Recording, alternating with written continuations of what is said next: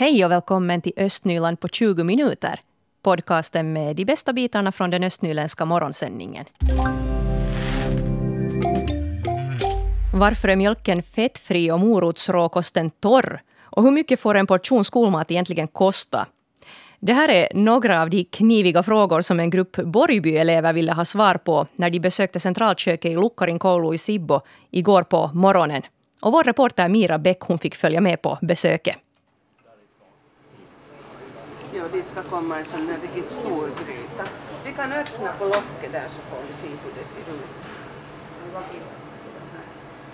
Och där blandas till exempel skinkfrestelse och, och det där, där alla såser och soppor och grötar och allt lagar vi ju gryta. Jag går mellan skinande metallytor, köksmaskiner och gigantiska grytor tillsammans med sju flickor från Borrby skola och deras rektor Desiree Virén. Det var i höstas som Chiara Federley, Ida Stenfors, Helene Erlund, Ada Ullberg, Veronica Lindberg, Miranda Krugell och Sinja Borgström bestämde sig för att reklamera till Sibbo kommun om skolmaten eftersom de tyckte att den inte var tillräckligt bra och näringsrik. En liksom så här, som är i skolåldern måste få ganska mycket så här kilokalorier vid lunch och sådär att man måste speciellt om man så har skolmat, måste man ta ganska mycket så att man ska få den där kilokalorie-mängden i sig. Orkar ni äta så mycket? Nå, nå det är liksom det, man måste typ ta så här fem portioner så jag tror inte att någon ska orka så mycket. Det sa Ida Stenfors. Nu har eleverna alltså bjudits in för att bekanta sig med köket och diskutera skolmaten med kostchef Marianne Putus och hennes kollegor. Om man äter av allt så som det är uträknat så får en skolelev i medeltal i sig 102 procent av de rekommenderade 700 kilokalorierna vid skollunchen enligt Putus.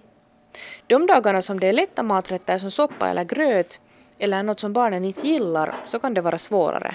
Varför har vi fettfri mjölk? För att det är, liksom, eller det är bättre än man har så här vanlig. Den här och flera andra frågor fick flickorna svar på Skolan serverar fettfri mjölk eftersom det står så i skolmatsrekommendationerna som Statens näringsdelegation har gjort upp. Morotsråkosten är torr eftersom den kommer till skolköket färdigt förpackad och då har den centrifugerats för att få bort all fukt så att den håller bättre. Flera av grejerna som barnen ogillar är sådana som kökspersonalen måste göra antingen på grund av statens rekommendationer eller för att spara pengar. En portion skolmat får kosta ungefär en euro. Det finns ändå saker man kan göra för att förbättra skolmaten. Putus lovar till exempel att se till så det finns mer varma grönsaker när flickorna ber om det. Både skolbarnen och Putus tycks vara nöjda med träffen. Flickorna hade gjort ett fint jobb. De, de har gjort en sån här exempelmatlista och vi kommer nog, där fanns ju en hel del sånt som vi nu redan har, men att nog till följande lista så hinner vi inte få det, men sen följande så ska vi nog plocka därifrån maträtter som, som vi sätter på listan. Vad tycker ni nu om den här rundturen som ni fick här i, idag i centralköket i, i skolan?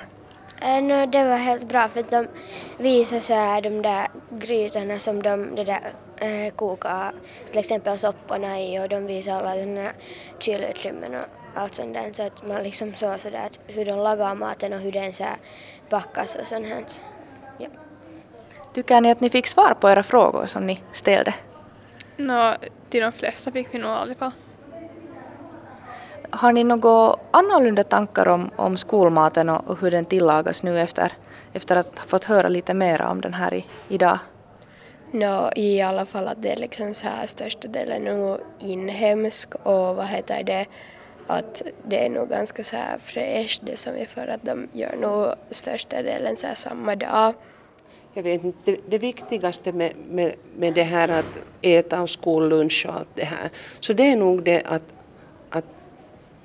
alla smakar, alla äter lite, oberoende, är det, är det så att man inte riktigt gillar dagens mat, vi kan ju inte ha allas favoriträtt alla dagar, så, men att man i alla fall skulle äta lite.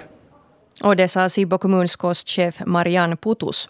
Skoleleverna som vi hörde här var Ida Stenfors, Helen Erlund, eh, Sinja Borgström och Ada Ullberg. Och det var Mira Bäck som var reporter. Och vi har också en webbartikel om det här på svenska.yle.fi östnyland.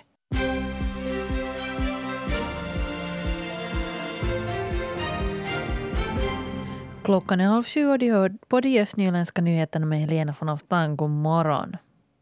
Pappersarbetarna vid Corenso i Lovisa återgår till sina arbeten idag. Strejken är över. Arbetsgivarsidan Skogsindustrin och arbetstagarparten Pappersförbundet har kommit överens om ett nytt kollektivavtal. Tolv arbetstagare berördes av strejken vid fabriken i Lovisa.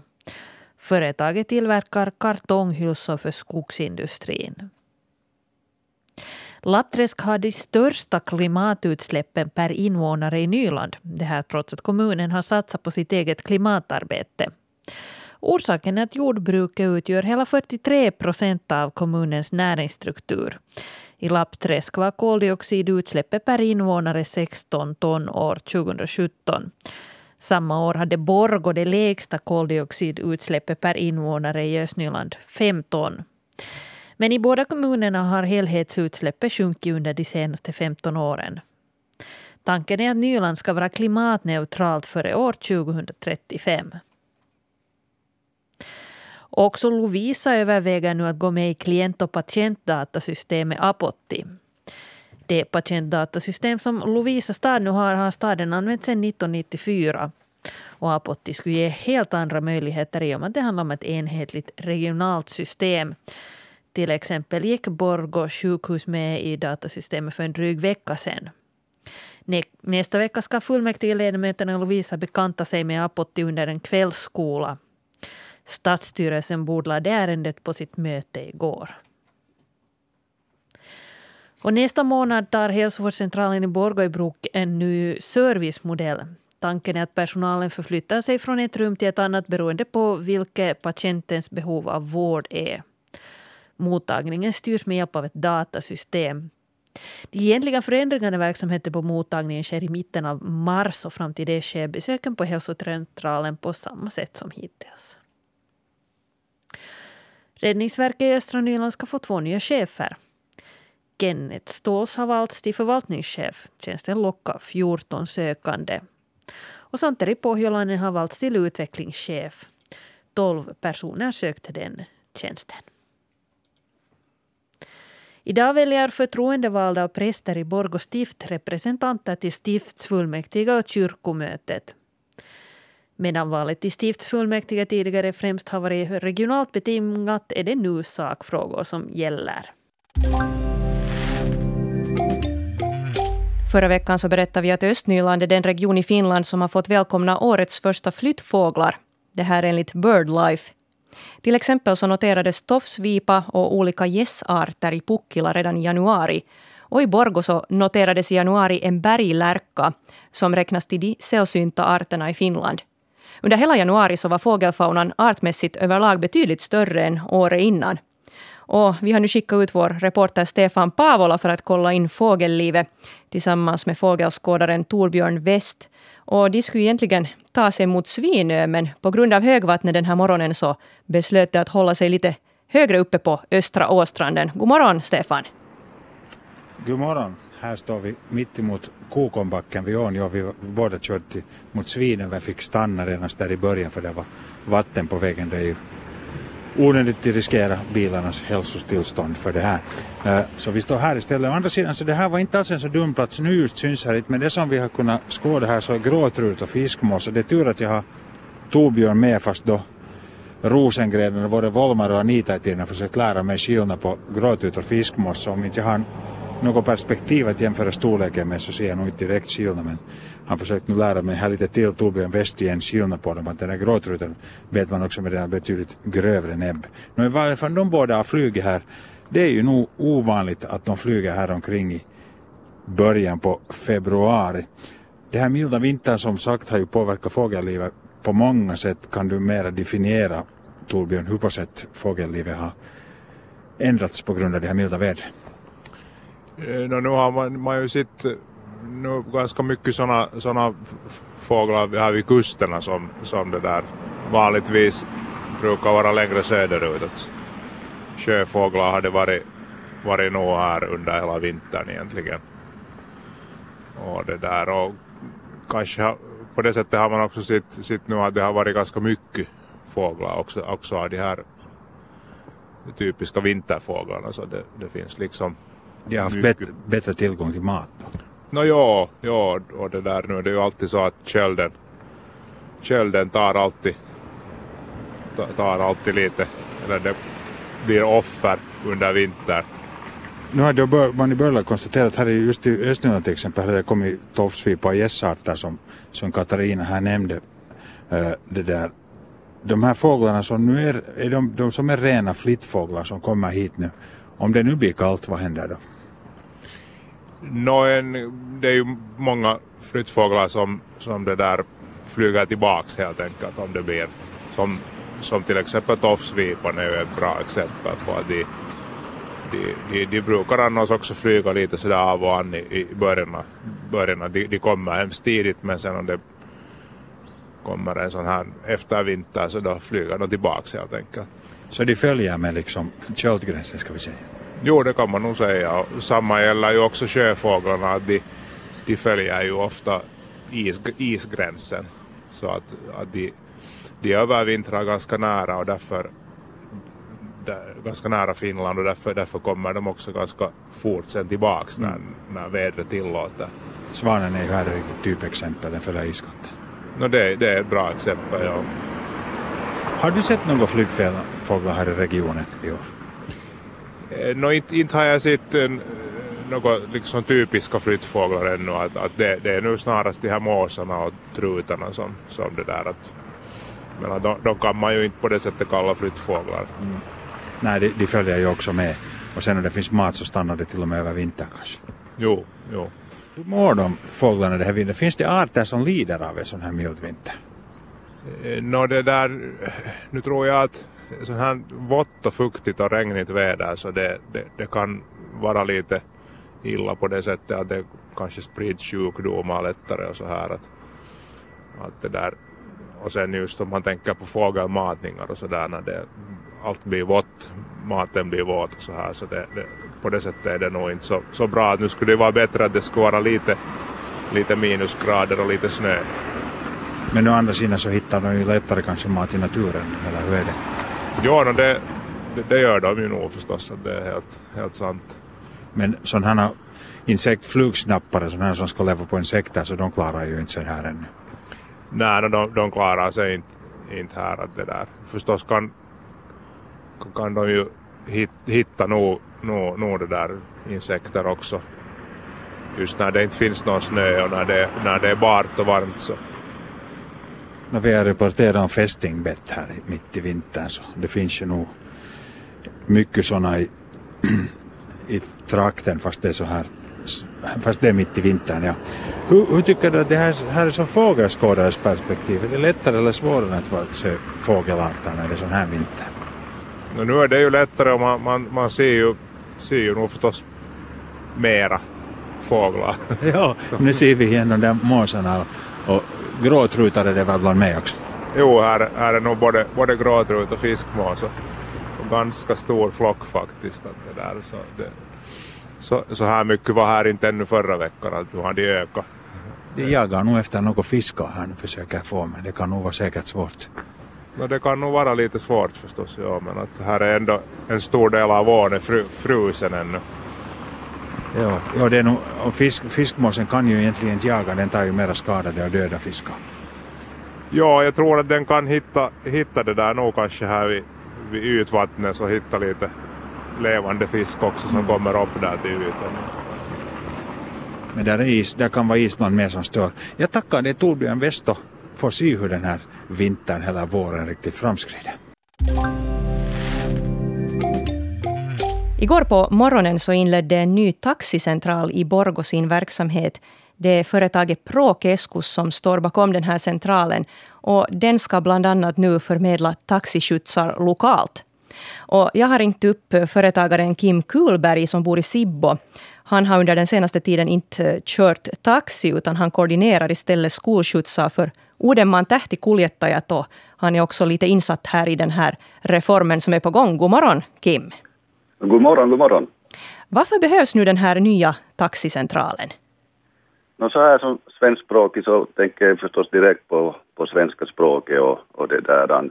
I och med den här taxicentralen så kan man nu även ringa på svenska och det är ju viktigt, viktigt för de, de svenskspråkiga. Och samtidigt blir det ju ett alternativ för kunden också att ta kontakt till. Att det är ju positivt också. Så har vi i Borgå en sån kommande färdtjänstupphandling och, och till den behövs den också. Det ger åtminstone ett alternativ för den upphandlingen. Ja, hur skulle du säga i praktiken att det nu blir annorlunda för kunderna när man funderar att ja, nu skulle jag behöva en taxi?